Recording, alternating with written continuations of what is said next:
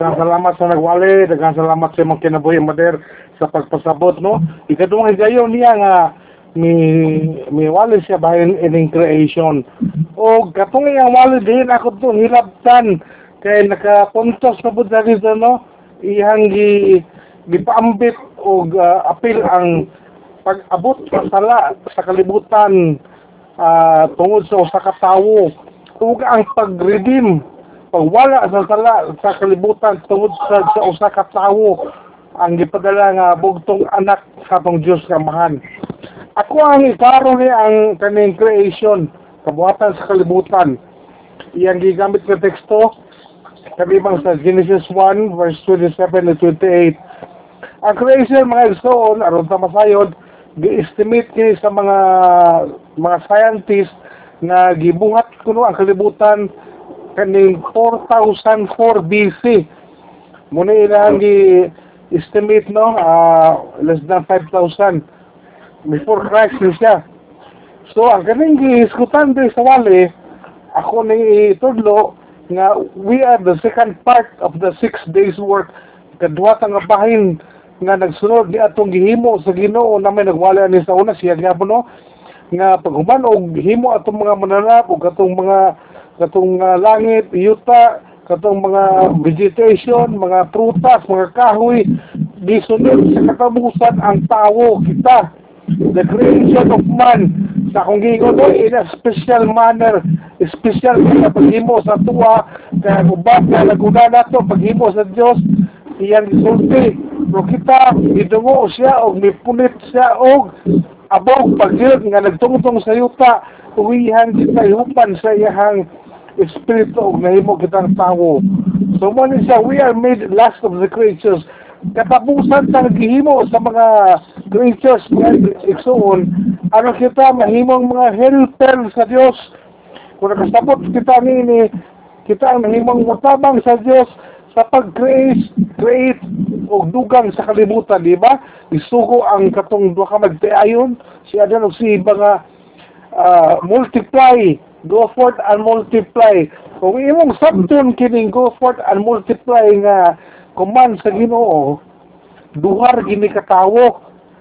So, wala ilabot ning abot na asa na nung ha ning ikatulo.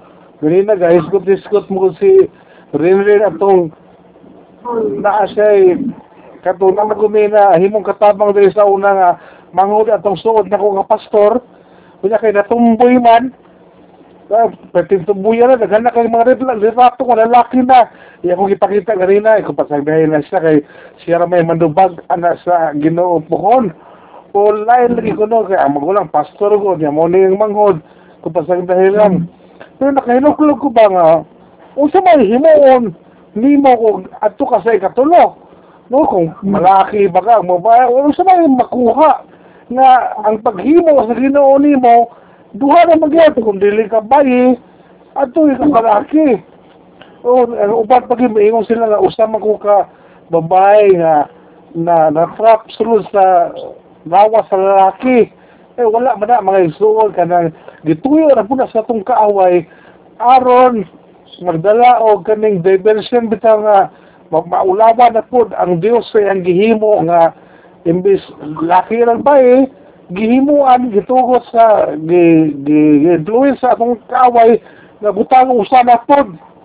Muna nga dili gyud ganahan ang Dios anay na ikatulo sa karaang tungod tinunglo kini mga igsoon so we are made the last creatures ano kita ang mo procreate kita ang mga nagugdagan kita ang managhan sa kalibutan o atong lokpon sa tanan mga tao. Gihimo kita ang ang kaning pulong gibutang diha we are made in the image and likeness of God. No sa imahe sa dagway and likeness pareha gayud kita sa Dios pero sa inyong unahuna mga isuon uh, kita karon. Kita karon ba? Tanaw na to. In the image and likeness of God bagid ta Isa tanaw ninyo. Ha? Ah sige pasabton mo ha Sige, naay sulat si Pablo. Dito sa Ebiso 4.24. Iya, itong basahan sa Diyos ng Ebiso 4.24. Nag-ingon si Pablo rin eh. Aman to, 4.24.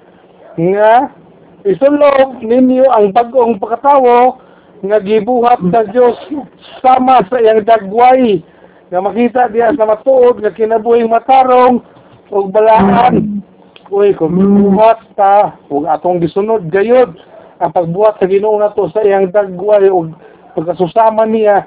Nganong muhatag pa man si Pablo og advice nga isulob nato tungod kay katong gi giwali ni Mader nga tungod sa sala naduhigan kita sa sala o nahimong nakasala ang tanan o dili tatakos nga matubang sa Dios ang katong sa Biblia na nakabsan kita sa himaya hagbong ta tanan kay kung matubang ta sa Dios sigurado ta patay tanan siya atumbangan grabe ang grabe ang justice sa Ginoo mga igsoon kung palihukon ang sa Ginoo bitaw ko yung kung palihukon sa Ginoo ang justice patay sa tanan So, salamat sa Ginoo kay ang gipalihok niya ang iyang kaluoy.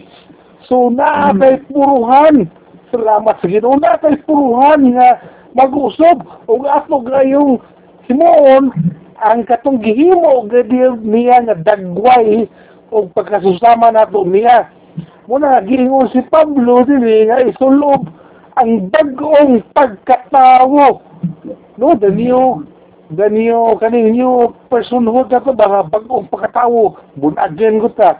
Nga gibuhat sa Dios sama sa iyang dagway mao gayud unta from the very beginning. Pero wala mm. man ato gisulob unya uh, makita na ba ni pinali sa atong kinabuhing matarong o balaan. So ato na pong i-check atong mga kagalingon karon. Padayon kita nga mag-check mag-examine kung nagkinabuhi ba nga matarong o balaan. Ang ikaduha na po nang ihatag o nakita na ko ang bersikulo mga isuon na sa Colossus 3, 10. So, Colossus 3, 10. At ang pagsahon, o gisulog na ninyo ang bagong pagkatao. So, kani gisulog na. Di, di, di-advisean mata ni Pablo nga sulog. So, atong sulog mo, so gisulog na ninyo ang bagong pagkatao gibago gyud kini sa Dios nga iyang nga iyang magbubuhat sumala siyang kaugalingong dagway no according mm. kayo sa iyang image aron masayag ka mo sa hingpit mahitungod sa Dios kung atong isulod ka ng tinuod kay nga dagway nga gihimo kita sa Ginoo kinabuhi matarong balaan masayag kita og hingpit kinsa ang naghimo nato kinsa ang mm. atong Dios pero nga naman ni nga daingon ani man kita karon so mo atas na ako lang ni hata nga mo atas na rito sa Betinabi mo atas na Ecclesiastes 7.29 mo ni ang giingon Solomon. Isa may gusto ni maura yun kini ang akong nakatunan. Ng Solomon. Gihimo kita ngaya sa gihimo kita sa Dios ngayano apan gilisod-lisod nato ang atong kugalingon. Simple na gid unsa ka way kaligo. Tawon simple na unsa ka pero gilisod-lisod nato atong kugalingon makainon do mamputan ni ning ning ikagubitan bitaw karon sa gobyerno nga kaning barrier sa single nga motor nga kinahanglan gyud nga itaod kay kana aron makalikay sa pagtakot sa COVID. Mm, Pagpiligan mo, daghan po nakapunta na ano, mag-barrier man yung magdiayon. Na magdulog mm. na sila ni kagabi, wa may barrieray. No, mm. kasi pamangalig hapon, misag na sa balay. So, mm. useless. Si Richard Gomez, Mayor Richard Gomez sa Ormoc, resulti ka ganiha, kung nakita sa inyo nga, ang kaning driver kumobo, ko po niya, mo kaning hangin siya ang ubo, mo kani siya mo adto sa likod adto sa angkat mo ra gyapon magbaril-baril ka then daghan kaya mga balita na hitabo aning baril nga sugatong kag rural palid ka?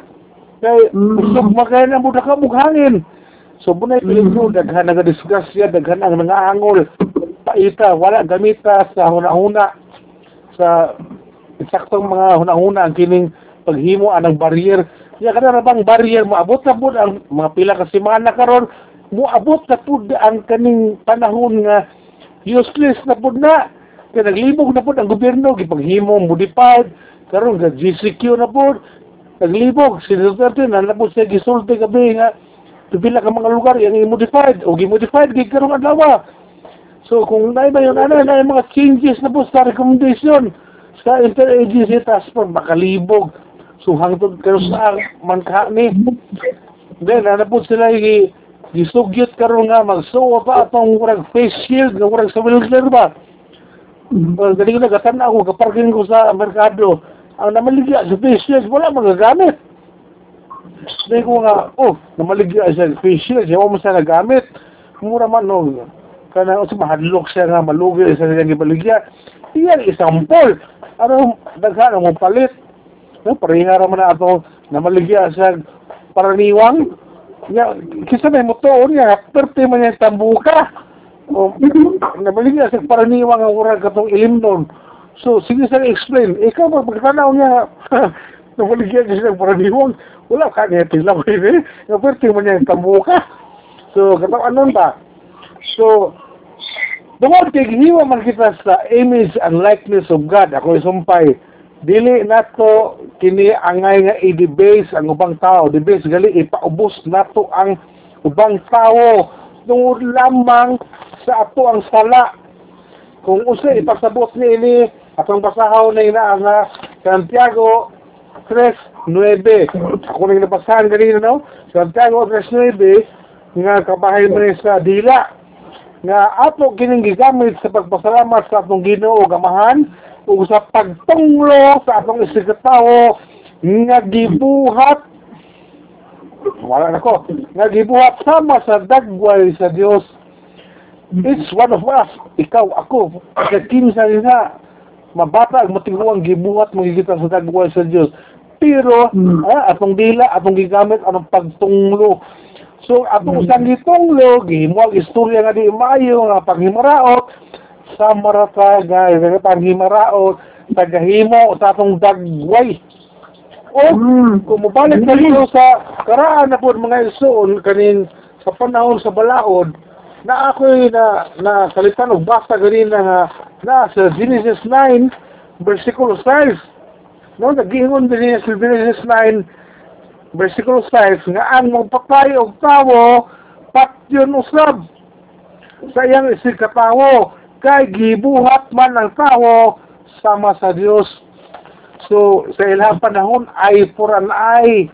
No, tot for a tot. Kung imo akong gikuhaan, no, gipon, gipangagan ko nimo, pangagan, buti ka. Pero kuya, di ba, kay, kung nakapatay kang tao, apat yung gitbuga, kay ang tao, ipatay, agihimo man, sama sa dagway sa Diyos. Ikaw ug ako, wala tayo kalainan. Gihimo ta sa image and likeness of God. O sa katapusan mga isoon, ang paghimo sa Diyos ka na to, nga pareha sa iyang image of likeness, tinuod ni siya mga isoon nga uh, dinagid ang ato ang ulagway. Pero, ang atong mga huna-huna, distansya gamay, distansya gamay sa Diyos, sa daghang mga paagi, hinungdan, na tungod sa pagkadistansya mga isoon, na, na wala na ta nakasunod sa iyang pagkamatalong o nitipas na ta sa ato ang dalan. Anong gisulti na ko ni?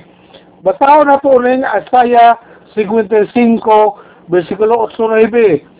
Ingon ang Diyos din ba? Uh, 8-9. Kaya akong unahuna, dili sama sa inyong unahuna. Layo yung kaya no? Ato ang mga unahuna, dili pareha dili sa unahuna sa Diyos. O nga akong mga laraw, dili sama sa inyong mga laraw. Nagingon ang ginoo. Kaya sama ang kalangitan habog kaysa yuta, ang akong mga laraw habog kaysa inyong mga laraw. O ang akong unahuna kaysa inyong unahuna. Sus, tinuod kayo ni mga isuon nga layo ra gyud kay tag hunahuna sa Dios. Mm. gamay kay tag pailob, gamay tag mga pasensya. Ang atong gugma wala gyud nakatopong sa iyang gugma na na mo lagi na atong kanina nga gihimo ta nga yano. Pero atong gilisod-lisod atong kugalingon ilabi na sa pagpadayag nato sa tuang mga kinaya. Nga usay di gyud ta kapasaylo.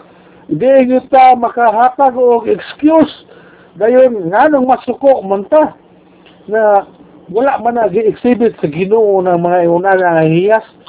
So mag self examine ta mga igsoon, mag-check sa sa atong kagalingon nga ato Mm. yung i, i itupong gid ato ang dagway ba from now on atong dagway ug likeness sa Ginoo.